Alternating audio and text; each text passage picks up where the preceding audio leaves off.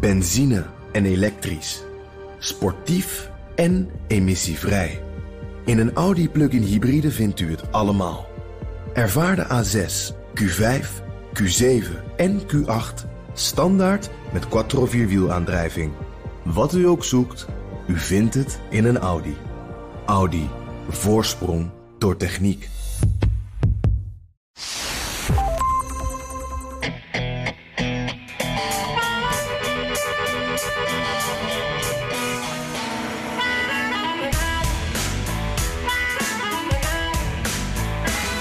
Bidens eerste officiële State of the Union ging het vooral over de state van het bondgenootschap, de alliantie tegen Vladimir Poetin. Along with 27 members of the European Union, including France, Germany, Italy, as well as countries like the United Kingdom, Canada, Japan, Korea, Australia, New Zealand, and many others, even Switzerland, are inflicting pain on Russia and supporting the people of Ukraine.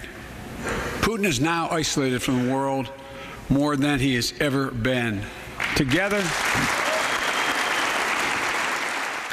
Ja, tijdens het Oekraïne-gedeelte van zijn toespraak werd er door zowel Democraten als Republikeinen hard geklapt voor de woorden van de president. Zoveel eensgezindheid hadden we lang niet gezien in Washington. Maar toen het over het binnenlandse nieuws ging, ja, dit is aflevering 118 van de Amerika-podcast. Ik ben Jan Posma, thuis in Washington. De, de state van mijn koffie is strong.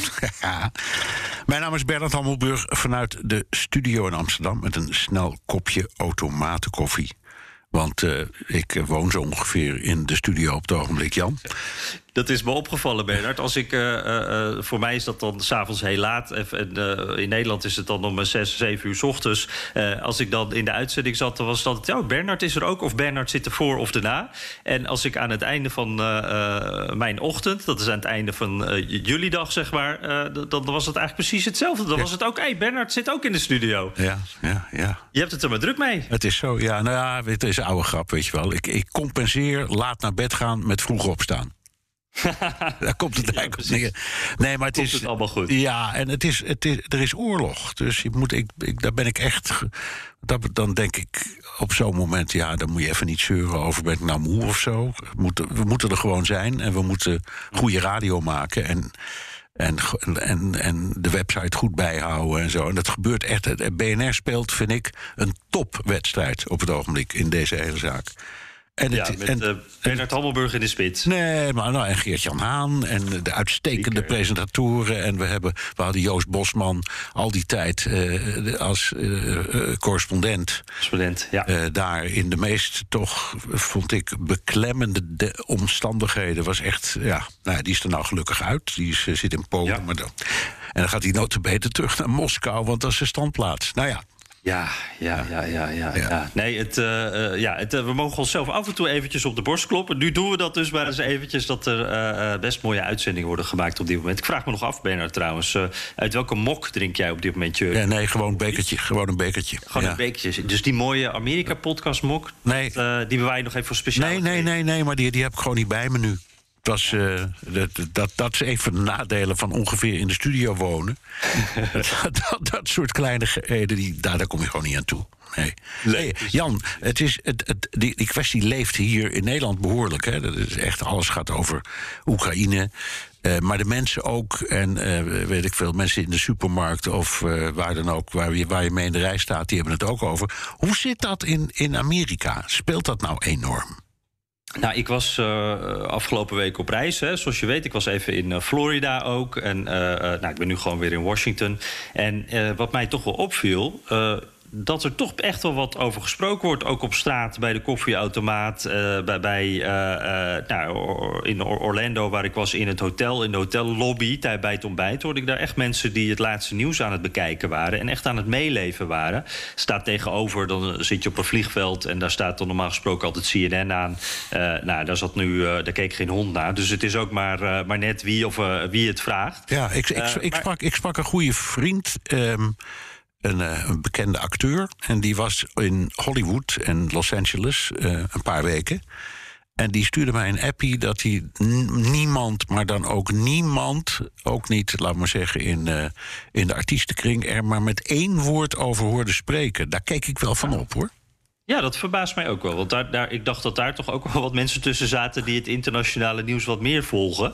Ja. Maar uh, dat is. En, en uh, kan je dat zeggen wie die bekende acteur is? Of is nou, dat even nee, want dat heb privé? Ik, nou, dan, ik denk dat hij het niet erg vindt, maar ik heb het niet gevraagd, dus ga ik niet doen. Nee, ook. Nee, maar het is nee, een hele, echt een hele bekende uh, Nederlandse acteur.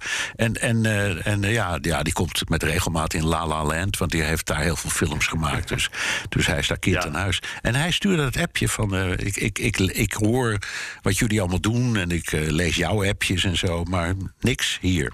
Ja. Nou, ik moet ook wel zeggen, ik merk nu ook wel weer even wat, wat voor bubbel uh, Washington is. Uh, want hier merk je er wel veel van, uh, veel meer dan in Florida. Hier zijn protesten bij het Witte Huis de afgelopen dagen. Nou, niet elke dag, maar er zijn echt al drie, vier geweest. overal zie ik flyers hangen op lantaarnpalen voor het doneren van geld. ik zie af en toe Oekraïense vlaggetjes zie ik op auto's zitten. bij de Russische ambassade staan boze mensen. Daar wordt ook echt heel veel getoeterd door auto's die daar langs rijden. Hè. Dat is die lelijke Sovjet-kolos, ja.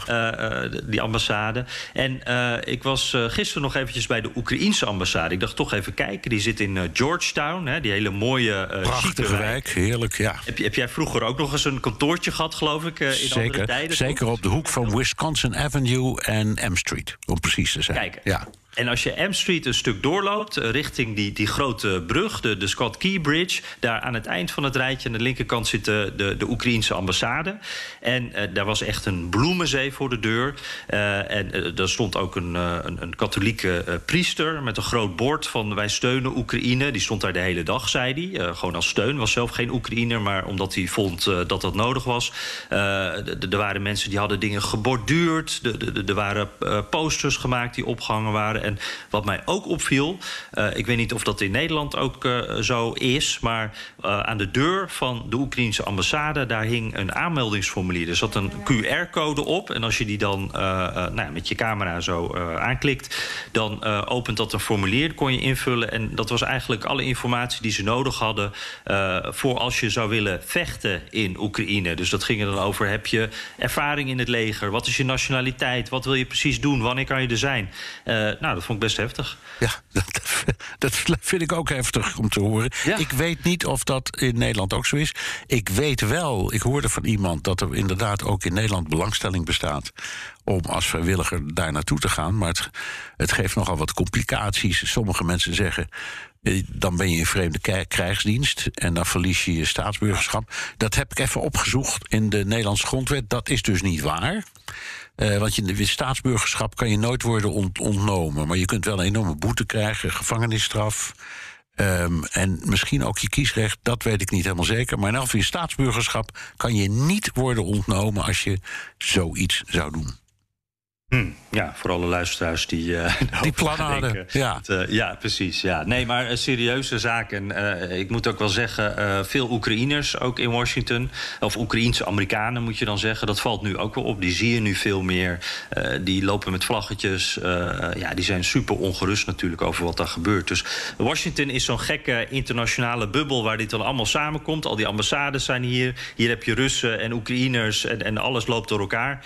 en, en nou ja, ik kan me voorstellen dat uh, inderdaad in Hollywood en andere delen van Amerika het stuk minder is. Ja. Hey, um, ja, van Oekraïne is het maar een uh, hele kleine stap naar de State of the Union. Want uh, het hele eerste gedeelte van uh, Bidens speech stond in het teken van Oekraïne, in het teken van Poetin. Biden die klopte zichzelf ook even op de borst, hè, want Poetin had toch maar mooi de eensgezindheid van Amerika en de bondgenoten onderschat. He thought the West and NATO wouldn't respond. He thought he could divide us at home, in this chamber, in this nation. He thought he could divide us in Europe as well. But Putin was wrong. We are ready. We are united, and that's what we did. We stayed united. Ja, en uh, Biden zei er ook bij, uh, ik heb hier veel tijd in gestopt. Uh, hij zei ook van, ja, jullie congresleden, die sprak hij ook toe... hebben daar waarschijnlijk ook allemaal veel tijd in gestopt... om iedereen aan boord te krijgen, om de neus dezelfde kant op te krijgen. En ja, ik vroeg me daar toch bij af, Bernard. Ik, ik snap dat hij het doet, maar is het ook terecht dat hij zo met de eer strijkt? Want ik kan me ook voorstellen, Europa is ook wel wat assertiever geworden. Daar is ook wel wat veranderd. Ja, Hoe nou, zit dat met Bidens leiding? Ik, ik vind dat hij um, in dit geval gelijk heeft. en wel om de volgende reden. Was in Europa uh, verdeeldheid, zoals altijd, maar ook een beetje ongeloof. Hè? Dat, ik, ik heb er daar zelf ook schuldig aan gemaakt. Heel veel mensen die zeiden: Nou ja, er, gebeurt misschien wel iets, maar het zal niet zo. Uh, dat zal zo'n vaart niet lopen. En Biden zegt en zei ook te, terecht, ook in dat toespraakje van vorige week al was het, of anderhalve week geleden. Ik heb keer en keer, keer op keer heb ik gewaarschuwd dat precies wat we nu zien zou gebeuren. En hmm. in, in Europa in elk geval had dat nu als effect dat iedereen zegt: ja, verhip, ja, ja, dat moeten we toegeven. Uh, ja, er is eigenlijk maar één persoon in de wereld die het precies goed heeft gezien. En dat was Joe Biden. Dus in de zin van bondgenootschappelijke geloofwaardigheid heeft hij enorme strepen verdiend. Of dat nu ook in de Verenigde Staten zelf zo is, ja, dat, dat zei je al aan het begin. Dat weet ik niet precies. Dat moet, dat moet nog blijken. Uh, het feit dat beide partijen uh, hem steunen, dat is goed. En het is ook eerlijk gezegd in overeenstemming met de Amerikaanse traditie. Als er echt iets aan de knikker is, oorlog of zo dan uh, probeer je gezamenlijk op te treden, ook als politieke partijen. Um, maar ja, ik, ik, ik, ik kan niet precies beoordelen. Daarom stelde ik ook de vraag: hoe kijkt de gewone Amerikaan er tegenaan? Daar vertelde ik het verhaal over die vriend in uh, Californië, die dus niet of nauwelijks iets merkt ervan of iets overleest. Mm -hmm. Dus ik weet niet precies. Um, of datzelfde gevoel nou, uh, of dat nou door heel Amerika gaat. Um, in elk geval, dat moet ik zeggen, in Europa heeft hij echt, uh, nou ja, heeft hij echt een paar punten gewonnen. Valt niet te ja. ontkennen.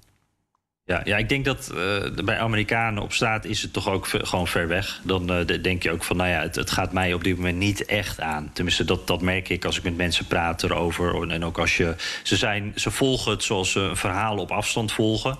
Uh, zoals we dat in Nederland, daar zijn we wat dichterbij. Maar het ook een beetje op afstand volgen natuurlijk. Ja.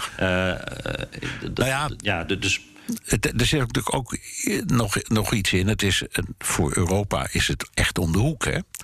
Uh, als je je boos maakt, dan ben je geloof ik... en je gaat 15 uur achter het stuur zitten... dan sta je aan de grens van uh, Oekraïne. Het is niet heel erg ver weg. Nou, als jij nu achter het stuur gaat zitten en je rijdt naar het zuiden... dan ben je in 15 uur in Miami, noem maar wat. dus, uh, dus om een beetje een idee te geven... het is gewoon, ja in dit geval in de EU toch wel ook een klein beetje. Het is, het is een buurstaat. Um, maar het is ook wel ver weg. Uh, wij zijn zelf niet aangevallen. Um, en uh, ja, dat geldt voor Biden natuurlijk ook. Amerika is niet aangevallen. En, en de enige vergelijking die we hebben is Pearl Harbor. En dat is alweer te lang geleden voor ons om daar zelf nog iets van te weten. Maar 9-11, dat herinneren we ons nog wel. En toen had je toch echt dat, dat enorme gevoel in Amerika, dat, dat herinner ik me nog precies, dat iedereen was proud to be an American en die had vlaggetjes op zijn auto en noem dat allemaal maar op. Um, en, en, en hoewel Bush in die tijd behoorlijk wat kritiek had, was dat op dat moment toch verstond. Um, zo, zo, zo goed werkt het niet hè, voor Biden als toen voor Bush, zal ik maar zeggen. Nee, precies. Want toen na 9-11, dat was inderdaad een aanval op Amerika zelf, zo werd dat gevoeld. Toen had je dat, dat rally around the flag uh, verschijnsel. Dat, ja. dat uh, de approval rating van, van Bush ging toen in eerste instantie keihard omhoog. Iedereen stond achter de president. Iedereen was inderdaad vooral Amerikaan. En ik, ik, ik, ik, vroeg me dus wel af of we dat hier ook zouden merken. Van nou ja, er is oorlog. Uh, het is een, een tegenstander die nou, de Amerikanen ook kennen hè, vanuit de Koude Oorlog. Dus misschien maakt dit ook iets los. Maar dat zie ik inderdaad nog niet, dat rally around the flag. Het blijft toch gewoon een beetje dat uh, verdeelde Amerika, de, dat het op afstand bekijkt. En wat, wat ik wel zag, uh, dat deed me wel een beetje aan die periode rond 9-11 denken. Toen ging het over, hè, de, de, de, waren ze boos op Frankrijk, die niet genoeg meededen. En er werden de French fries, werden freedom fries. nu wordt overal vodka uit de winkels gehaald. En je hebt zo'n drankje, hoe heet het ook weer? Russian Mule heet, Mule heet dat volgens mij. Dat is zo'n cocktail. Nou, dat wordt nu anders genoemd. Uh, dus dat soort dingen zie je wel gebeuren. Maar dat echte fanatieke uh, rally around the flag, uh, dat, dat zie ik nog. Nee, nee over, overigens die French fries, die freedom fries werden, dat herinner ik me ook nog precies. Dat was eigenlijk een van de eerste momenten van een cancel culture. Hè? Ja, Ja, ja. kun je wel zeggen. Ja. Hey, Jan. Ja, ik moet er even op lachen. Want, want, sorry, ik schiet er nog even tussendoor. Maar ik zat net een fragmentje van Fox News te kijken. waarin uh, een, een verontruste dame zei. Uh, uh, ja, eigenlijk wat nu gebeurt met Rusland en met Poetin. dat is. die worden gecanceld. Ze worden overal gecanceld. En ja, ja. dat is waar. Maar ja, als je een oorlog begint, dan kan je dat verwachten. Zo is dat. Hey, Jan, even terug naar die State of the Union speech we stoppen er altijd enorm veel aandacht om midden in de nacht te gaan kijken. En, uh, of of s'avonds laat. En dan al die commentaren. Meestal blijft er ook weer niet zo heel veel van hangen. Maar nu viel wel heel erg op dat alleen dat Oekraïne-gedeelte enorm applaus uh, kreeg. Hoe zat het met de rest van die speech? Hoe, hoe verliep die? Wat waren de thema's? Heb je ook weer zitten opletten, zoals ik altijd doe, wie er wel en niet applaudisseert? Of wie ja. stuurs voor zich uit blijft zitten staren? En van dat soort vind ik altijd vermakelijke momenten. Ja, zeker. Ja, ja. Ik om even met, met die uh, sfeer uh, te beginnen en dat geklap. Want dat, dat was hetgene wat mij het meeste opviel. Uh, dat Oekraïne-gedeelte, het eerste kwartier, dat, daar hoorde je echt enthousiasme. En daar keek ook veerde iedereen even op van... wacht eventjes, wat gebeurt hier? Dit hebben we heel lang niet meer gezien. Dat beide partijen enthousiast waren over wat er gezegd werd. Een duidelijke tegenstander natuurlijk, Poetin. Daar is iedereen het wel over eens. maar ik merkte toen ook wel dat dat, dat gevoel van eensgezindheid dat dat na Oekraïne eigenlijk ook meteen voorbij was. En toen zag je inderdaad de Republikeinen stuurs voor zich uitkijken. Um, en uh, ja, een moment wat dat denk ik echt, echt, echt illustreerde ook, was Lauren Boebert. nou, die kennen we, hè? dat is een, een, een behoorlijk rechts. Uh, nou, radicaal uh, congreslid wat uh, ervan houdt om flink stennis te schoppen. En dat deed ze nu ook weer, want Biden die hield zijn verhaal... en dat ging op dat moment over veteranen die kanker krijgen... door slechte lucht die ze hebben ingeademd... terwijl ze op hun missie zijn geweest.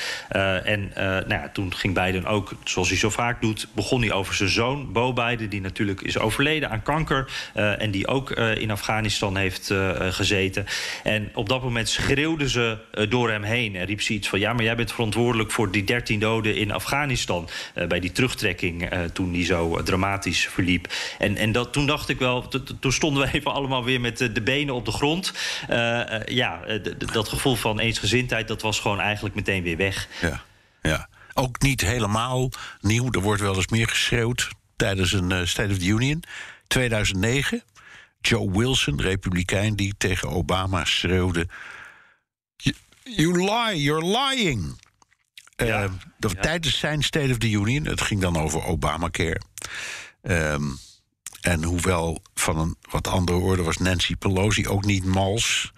Toen ze heel pontificaal in een witte jurk gekleed, net als alle andere democratische vrouwen, de speech van uh, Trump verscheurde. Het is altijd gewoonte ja. dat de president de speech die hij gaat geven van tevoren aan de voorzitter overhandelt. Dat, overhandelt. dat was toen ook Nancy Pelosi. En die verscheurde hem pontificaal. Nou, dat vond ik ook wel wat, zeg. Ja, zeker. Zij liet hem wel uitspreken. Dat, dat doet die Bubert en, en die Wilson dus niet. Maar dat was allemaal in beeld, want zij zit natuurlijk achter de president. Dus dat was wel een. Uh, nou ja, daar, daar, werd er nog wel even over nagesproken. En uh, ik moet er ook een beetje aan denken. Die Wilson, toen met Obama in, in 2019, dat was toen echt even een rel.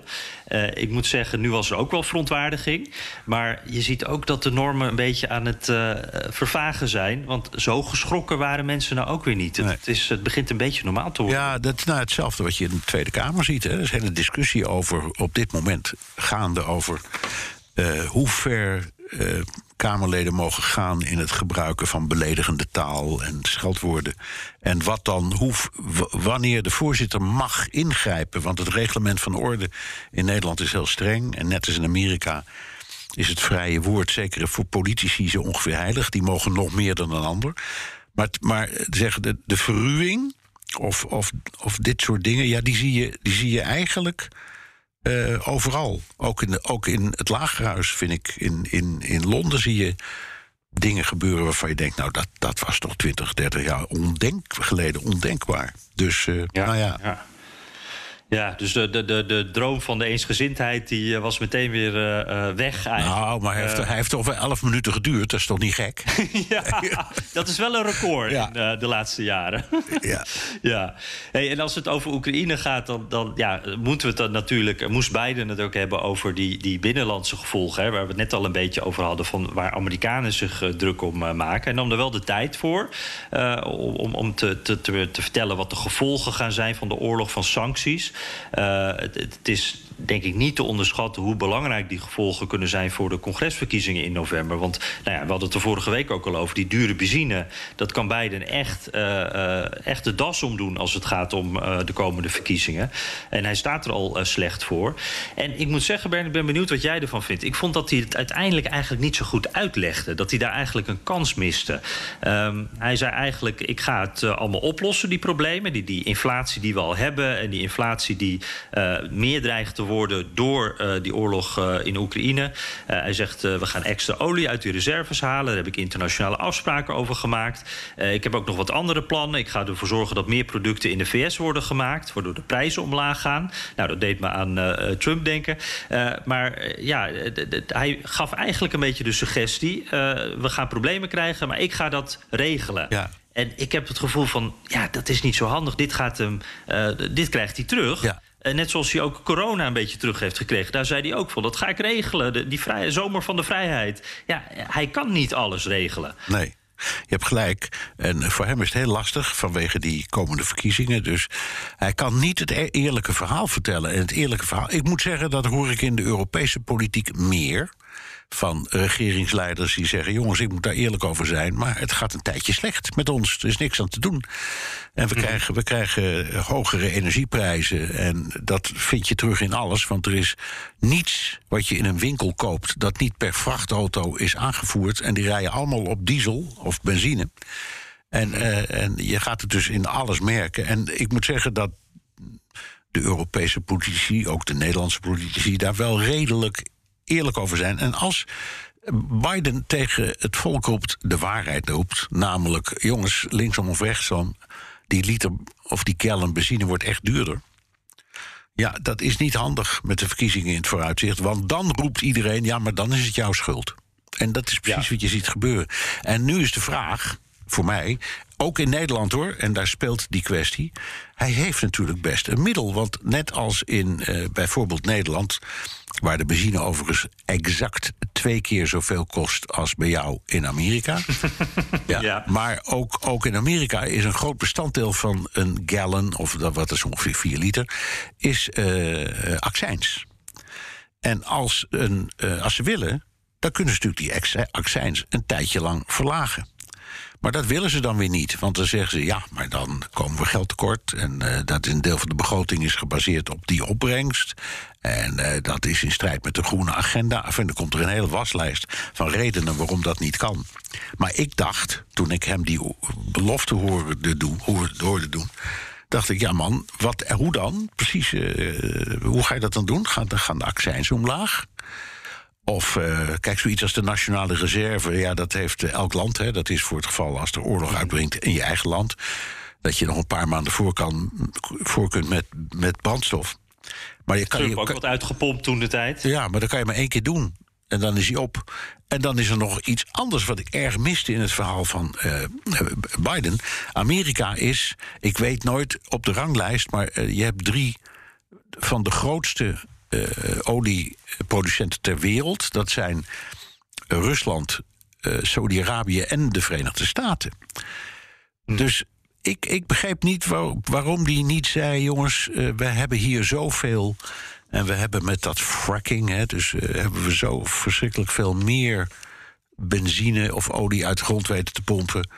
Ehm, dus hij had ook kunnen zeggen: we, we voeren gewoon de Amerikaanse productie wat op. En dat zet ons dan misschien wel wat terug met de milieuplannen. Maar op die manier, dan had hij eraan kunnen toevoegen. Maar ik beloof in ieder geval wel dat het met die benzineprijs niet uit de hand gaat lopen. Ja. Dus dat was, veel, vond ik, een gemiste kans. Hij had ergens moeten zeggen: het wordt erger en niet beter. Uh, maar ik kan er wel wat aan doen. En dat heeft ook weer nadelen, maar ik ga het wel doen. Ik denk dat hij dan, dat hij dan geloofwaardiger was geweest. Ja, dat is interessant dat je het zegt. Want ik denk inderdaad ook, hij, uh, die, die, die benzineprijs... dat is voor hem gewoon echt een prioriteit richting uh, de, die verkiezingen. Dat is echt heel belangrijk. En ik kan me voorstellen dat hij de, de, groene vleugel in zijn partij... ook niet voor het hoofd wil stoten. Dat hij het daarom niet gezegd heeft, de uitleg die jij net geeft. Want die willen natuurlijk helemaal niet dat er meer schaliegas wordt, uit de grond wordt gehaald. die willen op hele andere dingen inzetten. Maar als ik dan kijk op andere binnenlandse onderwerpen... daar ging Biden eigenlijk wel een beetje weg van zijn linkervleugel van de partij. En richtte hij zich veel meer op het midden. Dat had hij hier ook kunnen doen. Hij zei op een paar moment niet die van de police, maar van de police. Ja. Nou, er zijn ook best wel wat mensen binnen zijn eigen partij die dat niet zo leuk vinden. Dus daar durfde hij die pijn wel te nemen. En dan met uh, de benzine en de olie niet. Vind ik toch wel opvallend. Ja, dat vind ik ook. Ja, en uh, gemiste kans. Ja, want, want dat, dat, dat, kijk, nogmaals, zo'n State of the Union, dat is dan even een oprisping, vooral voor politici en journalisten en een paar politieke junkies. Die heb je overal in de wereld, gelukkig. Anders hadden wij geen luisteraars. maar, maar, bedankt, maar jongens. ja, dat, bedankt jongens. Ja. maar laten we eerlijk wezen, de, de, de, ik, ik, je weet, ik gebruik altijd als voorbeeld Montana. De, in oppervlakte de derde staat van Amerika. Maar er wonen 900.000 mensen, dus helemaal leeg. En daar rijdt de gemiddelde bewoner per dag 2,5 uur heen naar zijn kinderen naar school brengen en naar zijn werk. En dan weer 2,5 uur terug op de retour. Als daar de benzineprijs met een duppie omhoog gaat, dan kunnen ze daar één of twee keer in de week geen vlees of vis meer eten in zo'n gezin. Zo simpel is het. Dus als je daar woont, dan denk je... ja, het zal allemaal wel met oorlogen in een land... waarvan ik de naam niet eens kan uitspreken... en laat staan dat ik weet waar het is. Maar ik zie wel de prijs aan de pomp omhoog gaan. Poldomme. Ja, precies. Ja, en, en, en daar kan die veel beter en makkelijker op inspelen, vind ik. Ja, ik vond wel, om dit even af te ronden, dat hij dus um, met, uh, uh, met zijn speech dat hij echt wel wat naar het midden was gegaan. En, en ik dacht, dat is ook echt wel campagnepraat. Uh, dat doet hij dan wel uh, slim. Uh, maar ik dacht tegelijkertijd ook, ik denk dat Biden wel heeft gehoopt dat hij met deze speech echt een beetje een soort reset-moment of een beetje een omslagpunt in zijn presidentschap kon bewerkstelligen. Want het gaat er nu helemaal niet, staat hij er helemaal niet goed voor. Hè? Maar 40% van de Amerikanen vindt dat hij het goed doet. Ja, dat over, is, het, als ik, hey, ja, ik geloof dat 53% van de Russen vindt dat Poetin het goed doet. is dat echt zo? Ja, is dat echt zo. Laag? Ja, ja, die zit oh, ruim wow. boven, nu nog steeds ruim boven de 50 procent. Nou, ik ben blij dat ik geen opiniepeiler ben in nee. Rusland. Het lijkt me vervelend om dat nieuws te brengen. Ja. maar, uh, ja, maar Biden staat dus op het niveau van Trump op dit moment. En dat is echt uh, historisch uh, laag voor, voor, voor presidenten. Ja, ja ik, ik, had dus uiteindelijk niet het gevoel dat hij met deze toespraak... ondanks ook de positieve dingen die eruit zijn gekomen... dat hij niet dat heeft weten om te buigen. Nee. Wat, wat, is jouw gevoel? Mijn ook. Ik denk dat, dat het niet, niet goed is gelukt. En dan had hij ook nog, ja zoals altijd, hij verspreekt zich, hij vergistigt. Wat hoorde ik ook weer? Wat noemde die ook weer? Ja. Ja. Uh, het Iraanse volk had hij het over. Dat bedoelde hij natuurlijk Oekraïne. Uh, ja, hij zei het, ja, de Iranian people in, in plaats van de, de, de Ukrainian people. Ja, ja, het is dan ook weer typisch uh, Joe Biden. Is dat heel erg? Nee. Maar wel als je voor een camera staat waar naar schatting 35 miljoen mensen naar zitten te kijken. Dan moet je dat soort dingen even niet doen, vind ik. Nee, nee. nee dat, precies, dat is toch een beetje uh, in de finale van uh, de Europa Cup het, in de laatste minuut tegen de paal schieten. Hè? Toch? Ja. even struikelen. Ja, ja. ja, ja. Nee, ik, ik vond, nou, en ik vond het ondermijnde nu wel af en toe zijn boodschap. Ja ik, ik, wij, wij, zijn geen doktoren. Hè. Er wordt ons wel vaker gevraagd, ook over Trump en, en over Biden. En, uh, hoe gaat het met hun, uh, uh, met hun, hoe is hun gesteldheid? Hè? Hoe ja. zijn ze er nog helemaal bij? Ja, weten we allemaal niet. Maar ik moet zeggen, als ik een president zie die dus af en toe niet het einde van een zin weet te halen. Uh, hij was echt een, een, keer echt een beetje de weg kwijt in zijn speech. En, en je zag ook af en toe Nancy Pelosi achter hem zenuwachtig kijken. Uh, dit voorbeeld wat we net noemen, ja, dat is niet goed voor die boodschap. Nee, dat is toch ook, jammer. Nee, overigens één ding als excuus, en dat heeft hij ook wel uitgelegd in de campagne. Hij is een stotteraar. En een van de eigenschappen van stotteren is dat je woorden kunt verwisselen. Dus zoiets van Iranian in plaats van Ukrainian dat is voor stotteraars een hele gewone vergissing. Dus op... Is niet dat dat met stotteren te maken Ja, dat heeft met stotteren te maken. En hij heeft daar zelf ook wel over verteld. Uh, je weet, in de, tijdens de campagne is hij daar behoorlijk open over geweest. Uh, ja. En het is, het is echt iets waar stotteraars moeite mee hebben. Dat niet kunnen afmaken van een zin, dat, is, dat heeft niks met stotteren te maken. Dat is gewoon slecht voorbereiden. Want die tekst is allemaal uitgeschreven. Die staat dan allemaal in de autocue, hè, de teleprompter, voor zijn neus. In koeienletters. Want ja, ja, de heren verhoeden dat hij een bril zou moeten opzetten. Want dan is het helemaal ja, een oud mannetje. Je knijpen dan, hè? Ja, precies. Je ziet hem knijpen met zijn ogen. Dus dat, die, dat is in koeienletters staat het voor hem. En dan toch de zin niet af kunnen maken. Ja, ik weet niet. Ik denk dat hij. Uh, hij, wordt, hij is gekozen als president van de Verenigde Staten. Maar of hij het zou halen als presentator bij BNN Nieuwsradio. dat, wij, dat wij, waag ik te betwijfelen. ja. Nou, bij deze. Ja. hey, Jan. Uh, daar heb ik nou op, zo op zitten wachten. Toen we bij de opname van de vorige podcast was jij net uh, was jij onderweg naar Orlando om uh, naar CPAC te gaan. Dus de, dat, dat feestje van uh, de conservatieve republikeinen, zal ik maar zeggen, in Orlando. Nou, daar ben je inmiddels geweest, feestje van Trump. Was Oekraïne daar nou ook een belangrijk onderwerp? Nou, dat was wel. Dat vond ik interessant om te zien, Bernard. Want. Uh, die inval, dat kwam, dat is nu, als wij het opnemen, is dat een week geleden zo ongeveer. En, en dus het was allemaal net vers gebeurd. En uh, het programma was niet aangepast. Dus uh, het draaide nog steeds vooral om uh, culture wars, om, om wat leren onze kinderen op de scholen, hoe krijgen we Anthony Fauci achter de tralies, dat soort onderwerpen. Echt de culture war, de, de, de, de rode lappen vlees, de boosmaakdingen. En ja, dan weet je ook met buitenland scoor je dan toch niet echt. Ook om de redenen die we net noemen. Hè. Dat is toch ja. wat ver weg voor de meeste Amerikanen. En wat ik wel opvallend vond te zien was aan het begin van uh, CPAC werd daar echt wat mee geworsteld door uh, de, de, de, de, sprekers. Er waren wat verschillende boodschappen. Ze hadden nog niet allemaal alles op één rijtje. Je ziet vaak wel dat iedereen ongeveer hetzelfde vindt in die kringen. En nu had je bijvoorbeeld Trump. Die had kort van tevoren gezegd dat Poetin het eigenlijk toch wel slim had aangepakt. Hij sprak er wat bewonderend over. zijn toespraak op zaterdag op CPAC, daar herhaalde hij dat nog een keer. Toen zei hij van, ja, Poetin is inderdaad gewoon slim. Dat klopt gewoon. Uh, daar blijf ik bij. Uh, dat is niet het probleem. Het probleem is dat onze leiders dom zijn. Uh, wat op zich wel een goede, goede, ja. goede one-liner is natuurlijk.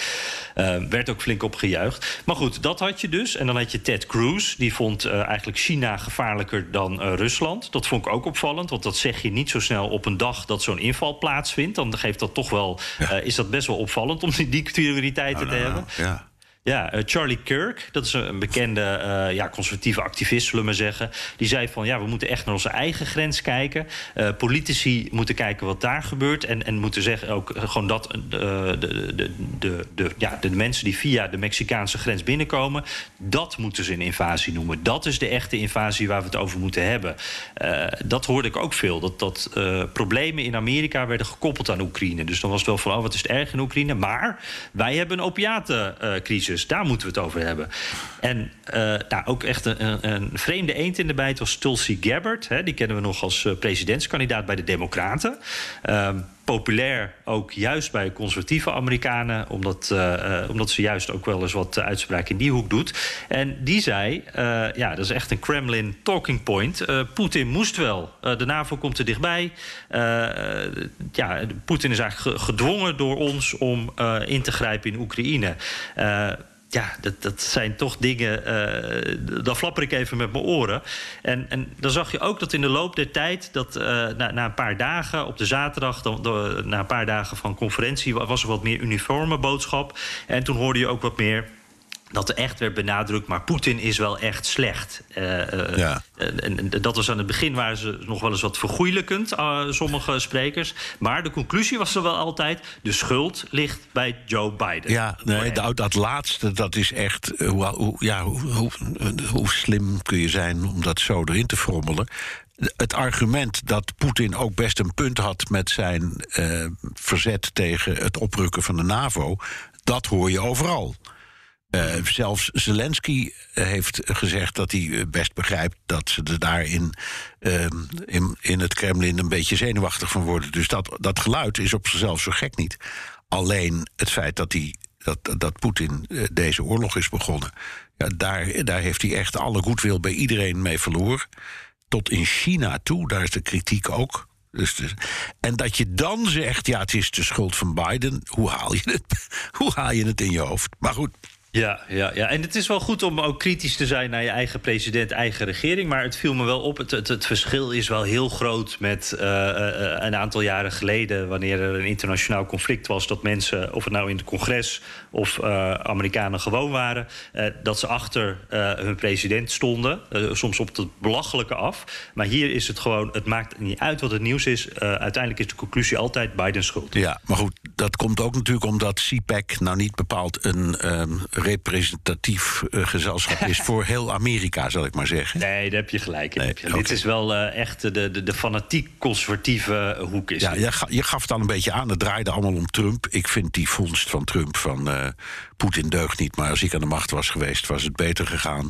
En eigenlijk is Poetin ook niet zo slecht als jullie allemaal denken. Dat is een typisch handig Trump. Um, maar hoe is het nou gegaan met uh, de gouverneur van Florida, de Santis? Want daar, daar hebben we het al eerder over gehad. Dat is ook een Trumpist, maar die is ook enorm populair. Waarschijnlijk vonden wij de vorige keer toen we over spraken. Omdat hij, ja, ik moet zeggen, hij doet zich gewoon ietsje fatsoenlijker en beleefder voor dan die rouwdouwer Trump. Uh, ja. Heb je iets gemerkt van een tweestrijd? Ja, ja, ik heb er ook wel op gelet hoor. Want ik was van tevoren heel nieuwsgierig hoe dat uh, zou zijn. Want uh, andere jaren was het echt Trump voor en Trump na. Nou, dat, dat is nog steeds zo. Maar ik, ik zag uh, DeSantis, zijn, zijn speech. Dat, dat, was wel bijzonder om te zien. daar werd echt heel enthousiast op gereageerd door het publiek. Hij zat ergens aan het begin van het programma. ik weet niet of dat onder invloed van Trump is geweest. Maar dat hij daar een beetje op zijn plek werd gezet in ieder geval. Want hoe later je in het programma zit, hoe belangrijker je bent natuurlijk. Maar de zaal zat vol. Mensen uh, waren echt dol enthousiast over wat hij allemaal te zeggen had. En zijn toespraak was ook echt de speech van een presidentskandidaat. Hij zette zichzelf neer als, als het logische, het enige logische antwoord op Joe Biden.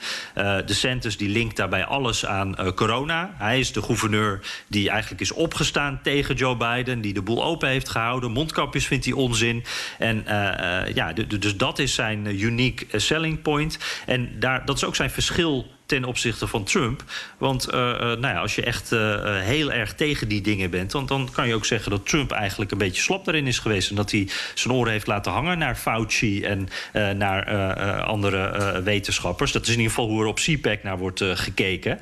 En wat ik ook wel opvallend vond, hij noemde Trump niet bij naam in zijn toespraak. En het zijn natuurlijk wel van oorsprong vriendjes, zullen we maar zeggen. Ze zitten echt in dezelfde hoek, lijken op elkaar. Het zijn gewoon allebei qua standpunten uh, hij is ook echt de Trumpist. En uh, toen Trump op zaterdag sprak, hij was de hoofdspreker, uh, een veel groter publiek. En dat was echt het hoogtepunt van de hele week. toen noemde Trump ook niet DeSantis. Hij, hij had het wel steeds over de Republikeinse gouverneurs die het zo goed hadden gedaan tijdens de coronacrisis. maar DeSantis werd niet bij naam genoemd. En dat was in het verleden wel zo, Bernard. Dus dat was ook wel interessant. Ja. En, nog eventjes een, uh, een observatie. Ik zag uh, heel wat meer decente spetjes dan de vorige keer. het is ook in Florida. Hij is de gouverneur van Florida, dus dat scheelt ook. En ik zag ook Trump decentes 24 petjes. Ah, dat kan ook nog. Vicepresident. Ja, precies. En dan is het ja. nog even de vraag. Ik denk niet dat de Santis daar zin in heeft. En ik denk Trump eigenlijk ook niet. Maar de, dat zou het winnende ticket zijn, uh, vonden ze daar wel. Ja. En dan hebben ze altijd die straw poll. Hè? Dat is zo'n, uh, ja, hoe zou je dat noemen? Een soort opiniepeiling. Van ja, dat is een, niet echt wetenschappelijk. Nee, dat is een hele snelle opiniepeiling, zullen we maar zeggen. Ja. Ja, ja, dat is wel een mooie omschrijving. Nou, Trump staat daar uh, keihard bovenaan, echt met grote, of redelijk grote afstand. Maar dan komt DeSantis toch echt wel als goede tweede. En daarna is het echt helemaal niks. Dan krijgen de, de andere kandidaten, de, daar staat dan, nou ja, Cruz, de, uh, Trump Junior staan er dan tussen, maar die krijgen allemaal 1% of minder. Pompeo, die doen eigenlijk allemaal niet mee. Dus dus echt Trump, tijdje niks, DeSantis en dan houdt het gewoon op. Ja, nou, ik, het is spannend en je ziet toch de contouren van een strijd komen. En dat is altijd leuk. Jan, um, ja. wat altijd opvalt uit jouw verhalen over CPAC... Het, het, de, de ene boodschap is nog radicaler dan de andere. Hoe was dat dit keer? Ja, ik, ik, uh, dat vond ik ook nog wel interessant. Want het, het, uh, het lijkt toch wel steeds radicaler te worden. Uh, het, het, was al best radicaal, maar ik, ik merk dat er nu uh, vaker dingen worden gezegd uh, die, die, echt gewoon, ja, waarvan je vijf jaar geleden zou hebben gedacht: hé, wat zeggen ze nou? Uh, het is nu echt heel normaal. Niemand kijkt op als er wordt gezegd uh, dat, dat Fauci moet worden opgesloten. Dat is trouwens ook iets wat DeSantis in, in zijn speech nog zei. ja, daar wordt keihard voor gejuicht. Vinden ze allemaal prima. sluit de Clintons op. Nou ja, dat kenden we al natuurlijk. Dat gaat nooit meer weg. Dat was nu ook weer een thema. als het over de Bidens gaat, dan gaat het over de Biden crime family. Nou, uh, als het over de, de generaals gaat, dan gaat het over onze generaals die woke zijn. Uh, die slap zijn, die alleen maar over gender hebben en geen oorlogen meer kunnen winnen. Die zijn gewoon onbetrouwbaar. Nou, dat vind ik ook nogal uh, heftig.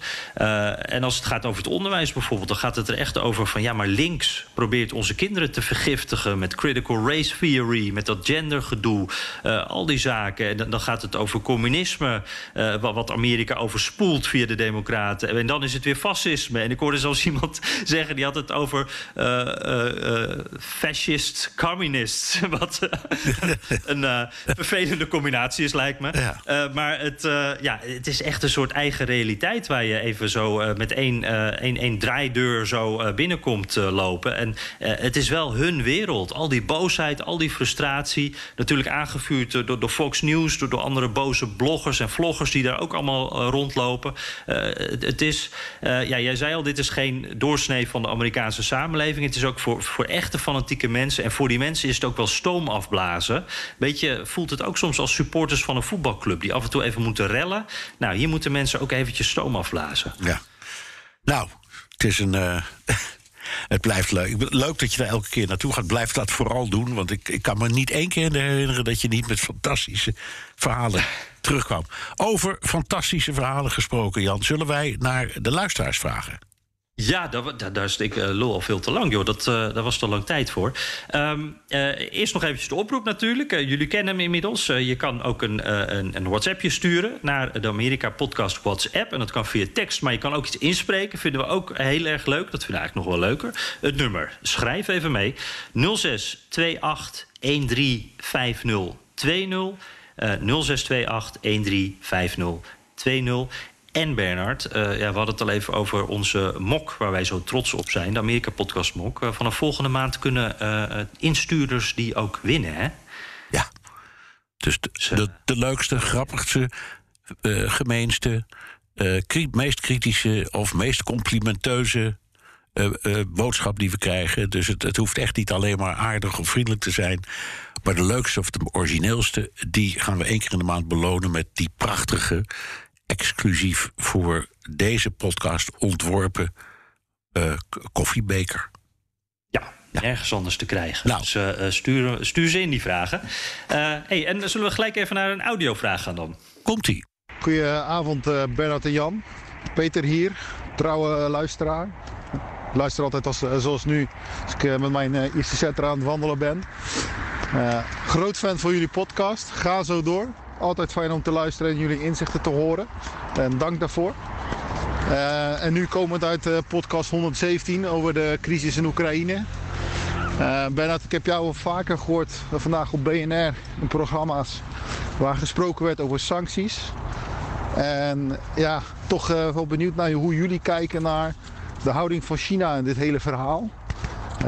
want China die weigert Rusland te veroordelen en ik zie het maar gebeuren dat zij Rusland wel aan hoogbenodigde materialen kunnen helpen als er sancties komen op dat gebied.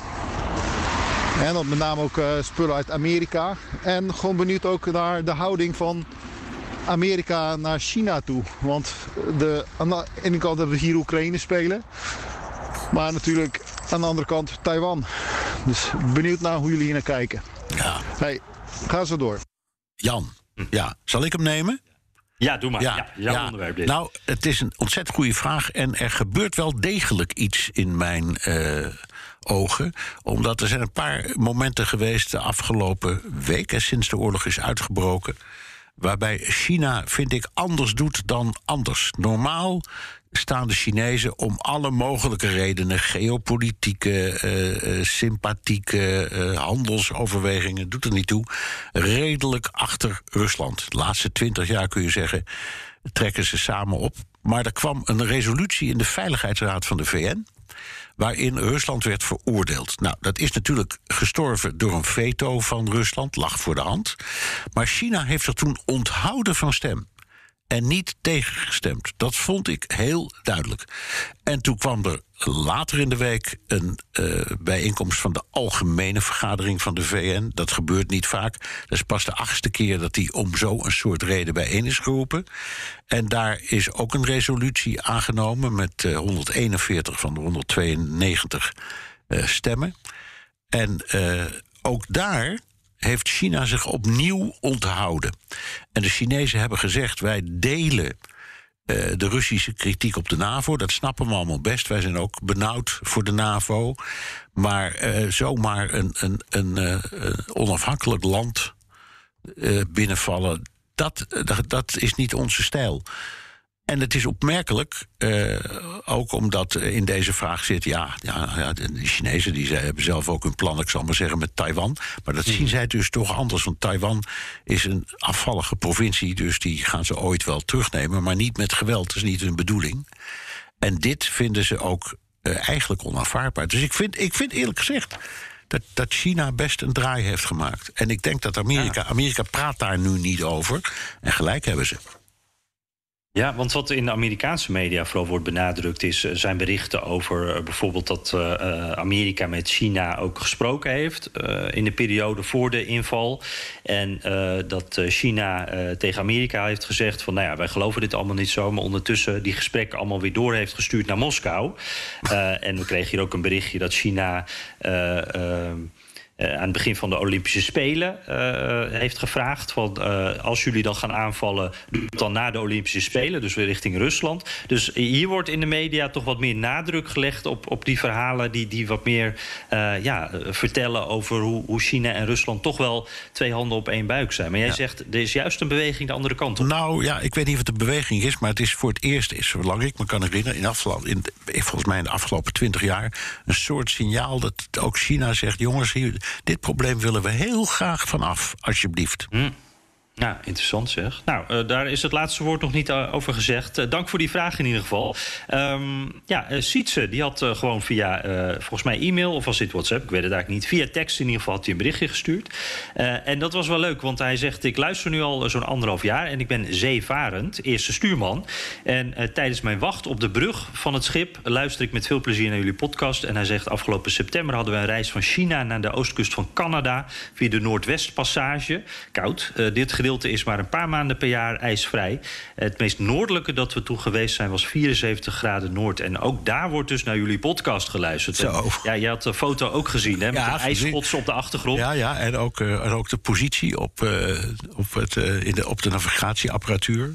Fantastisch. Ja, ja. ja, heel gaaf. Dat, uh, daar zag er heel cool uit. Dus dat is, uh, nou, we hadden eerder alles de, de, verste luisteraar. Deze maakt ook zeker aanspraak daarop, ja. onze Sietse. hij heeft ook nog een boekentip. Hij zegt, ja, dat is een bekende. Amerikanen zijn niet gek, van Charles Groenhuizen. Ja. Klein, maar erg leuk boekje. Kreeg ik van mijn vader toen mijn Amerikaanse vriendin... inmiddels zijn we getrouwd, in 2015 bij mij kwam wonen.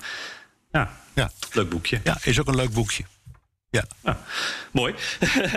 hey, uh, zullen we nog een audiovraag doen? Tuurlijk. Laat ik beginnen met jullie te feliciteren met een prachtige podcast.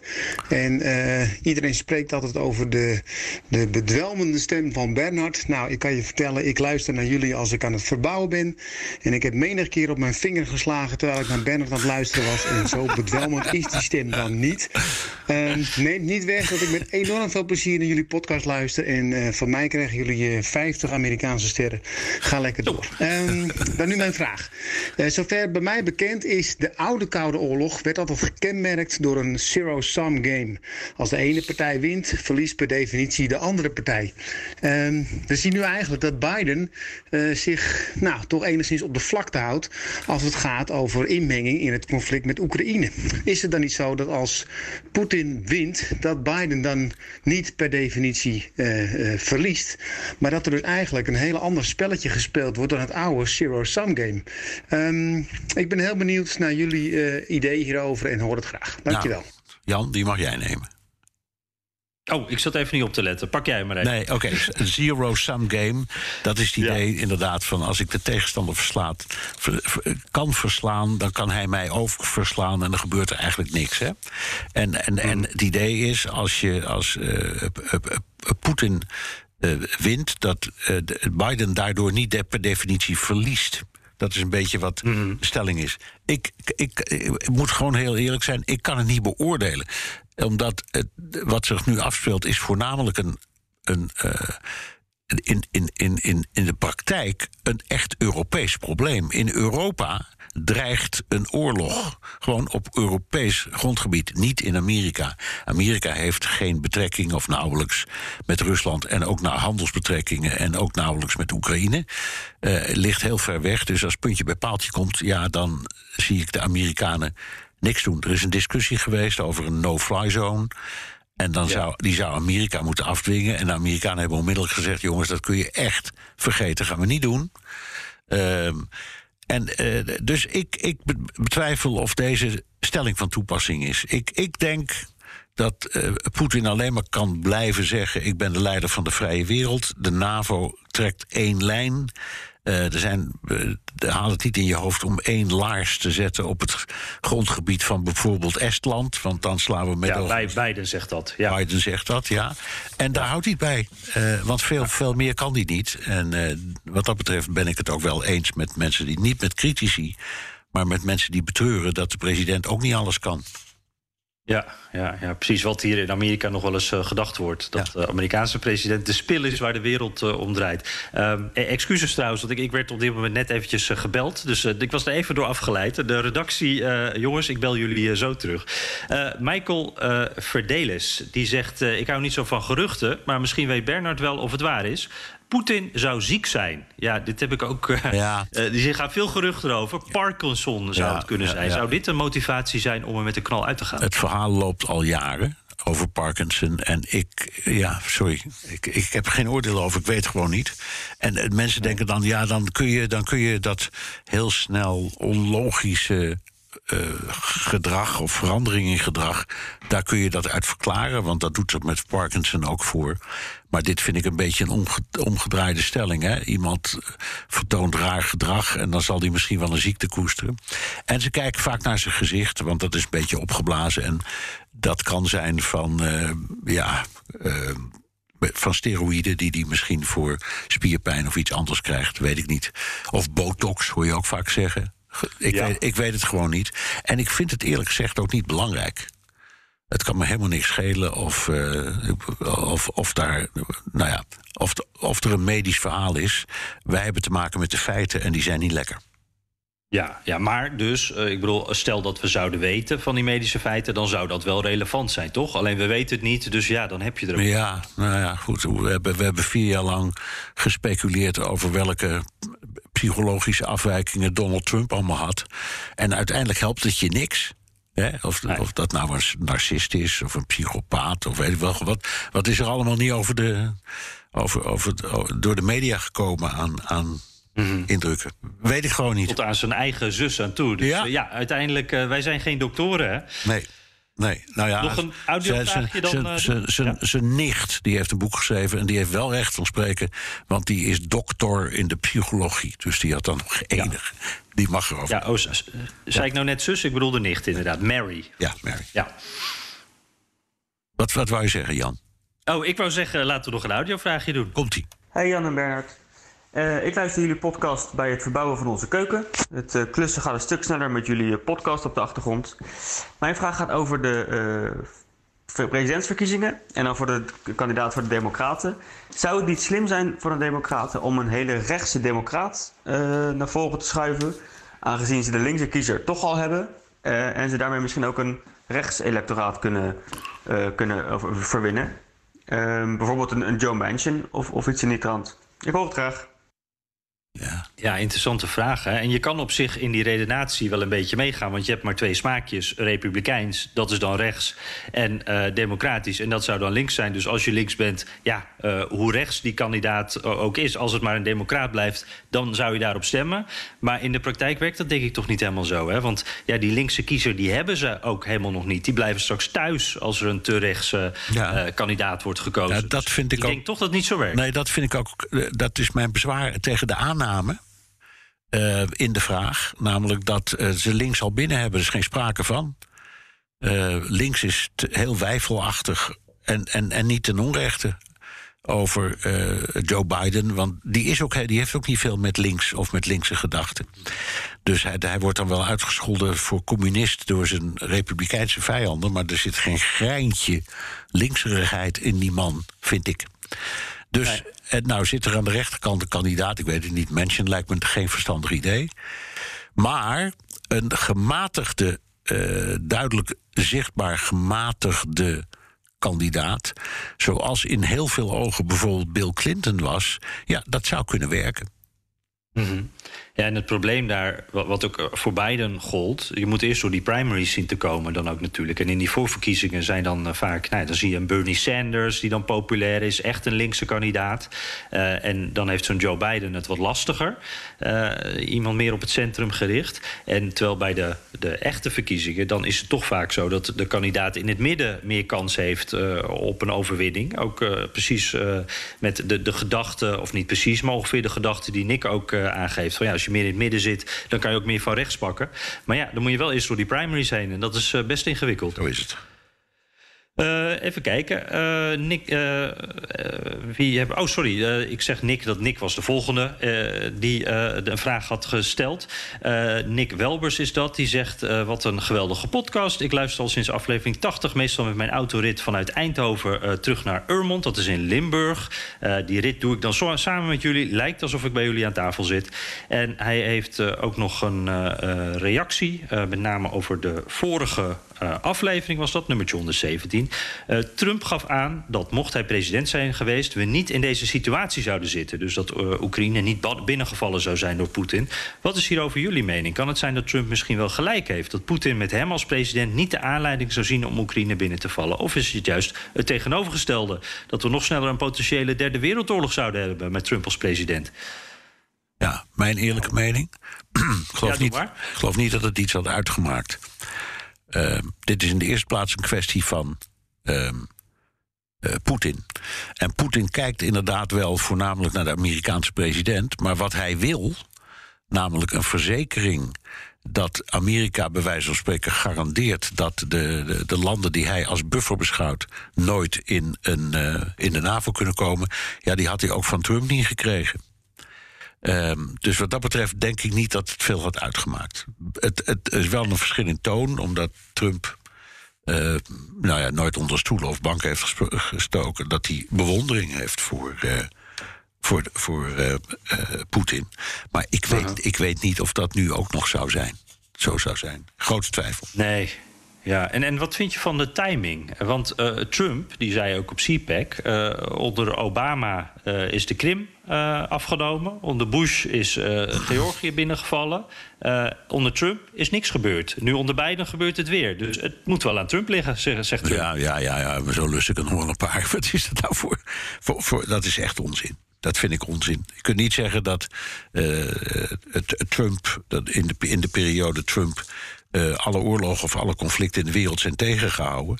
Je kunt wel zeggen dat Trump degene is geweest die na al die presidenten, dus Obama uh, voor hem um, en uh, ook, ook nou, Trump, dat Biden in elk geval is gestopt met die oorlogen in Afghanistan en, en Irak. Maar dat is hem nou ook niet bepaald in liefde afgenomen. Dus nee, ik nee. vind dit soort dingen, ik weet het niet. En ik kan het niet beoordelen. Ik weet het niet wat ze. Het is een. Het is een. Uh, ja. Uh, het is een what soort, if scenario. Ja, what if. Je kan, ik kan niet zeggen wat er zou zijn gebeurd als. Uh, als, als jij of ik president waren geworden, of Wesley. Ik wil, dat weet ik niet. Misschien was het anders gelopen. Ja, ik, ik denk dat Wesley, onze technicus, ja, die, die, zou dat nog wel goed Wesley had het misschien kunnen redden, ja, voor hem. Dat is waar. Ja, precies. Ja. hey, ik weet niet of Wesley nog wakker is trouwens, want uh, die zit al de hele tijd mee te luisteren. Nou, hij wordt, hij wordt nou weer wakker, maar we, ja. Ja. Heel goed. Want mijn koffie is op. En ja. dat is wel een beetje balen, want we hebben nog best wel veel vragen. Maar, ja, maar ik, dat we die toch even het volgende week moeten Ja, doen. en ik moet ook direct weer even terugkeren naar uh, in de middag. Het uh, andere programma. Ja. ja, om uh, even vanwege de update over Oekraïne. Dus ik, ik moet er ook vandoor. Ja, nou, laten we hem hierbij dan uh, afsluiten, Bernard. Ja, heb je nog recensies, Jan? Oh ja, uh, even kijken. Apex, of uh, fan 19. Nou, mooie naam. Ik eh, ben benieuwd wat Apex is. Dat dan een racefan of zo? Nou goed. Uh, geweldige podcast om naar te luisteren. Hij geeft dus ook vijf sterren. Bracht uh, ook mijn interesse voor de USA naar boven. Ga zo door. Simpel en efficiënt. Floris Bats. Ja, die zegt prachtig. En uh, nou, ik, ik, ben, ik, weet niet helemaal. ik ga er vanuit dat, dat dit bedoeld is als oprechte bericht. Of, of dat het een beetje plagerig is, is richting een vriend die wat te veel over ons praat. Maar ik lees hem gewoon maar even voor. Mag u het beoordelen? dank u wel, meneer Hammelburg en meneer Posma voor deze podcast... die een vriend, Florian, van me geweldig vindt. Hij houdt er niet over op. En ik ben blij dat hij zoiets prachtigs in zijn leven heeft. Dus, uh, ik weet niet of Florian er wat te veel over praat. Ik denk het ook. Uh, ja. Heb, ja, ja, heb je nou niks, niks anders om over te praten? Wat leuk, Jan. Ja, precies. Ja. Oké. Ja. Terugluisteren kan via de BNR-site, Apple Podcast of Spotify. Heb je vragen, opmerkingen, kritiek of complimenten? Dan kan dat ook met een tweet naar Jan Postma USA of BNR De Wereld. Of heel ouderwets met een mailtje naar dewereld.bnr.nl. En je kunt ook je vraag inspreken of intikken op de Amerikaanse op de Amerika Podcast WhatsApp nummer 06 28 13 50 20. En staat ook op de site. Oh ja, dat is ook wel makkelijk. Kan je het ook uh, opzoeken. En uh, laat ons als altijd even weten hoe je naar ons luistert en waar. Ik denk dat we weer in ieder geval een, een koude record hebben. Met uh, iemand die zo ver midden op de zee tussen de ijsschotsen naar ons luistert. En als je dus ook een vraag instuurt, dan maak je ook kans op de Amerika Podcast Koffiemok. fraai, niet in de winkel te krijgen. Met een prachtige tekening van illustrator Erik Kolen. Een, een, nu al erevriend van de show, zeg ik maar. En ook een collectors item al. Dus één keer per maand geven we er eentje weg laat vooral die vragen komen. En dan zeg ik voor nu dank voor het luisteren. En uh, Bernard, succes in de studio en tot volgende week. Jij ook, tot volgende week.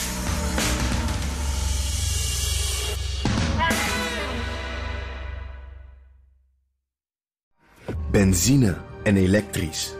Sportief en emissievrij. In een Audi plug-in hybride vindt u het allemaal. Ervaar de A6, Q5, Q7 en Q8 Standaard met quattro vierwielaandrijving. Wat u ook zoekt, u vindt het in een Audi. Audi. Voorsprong door techniek.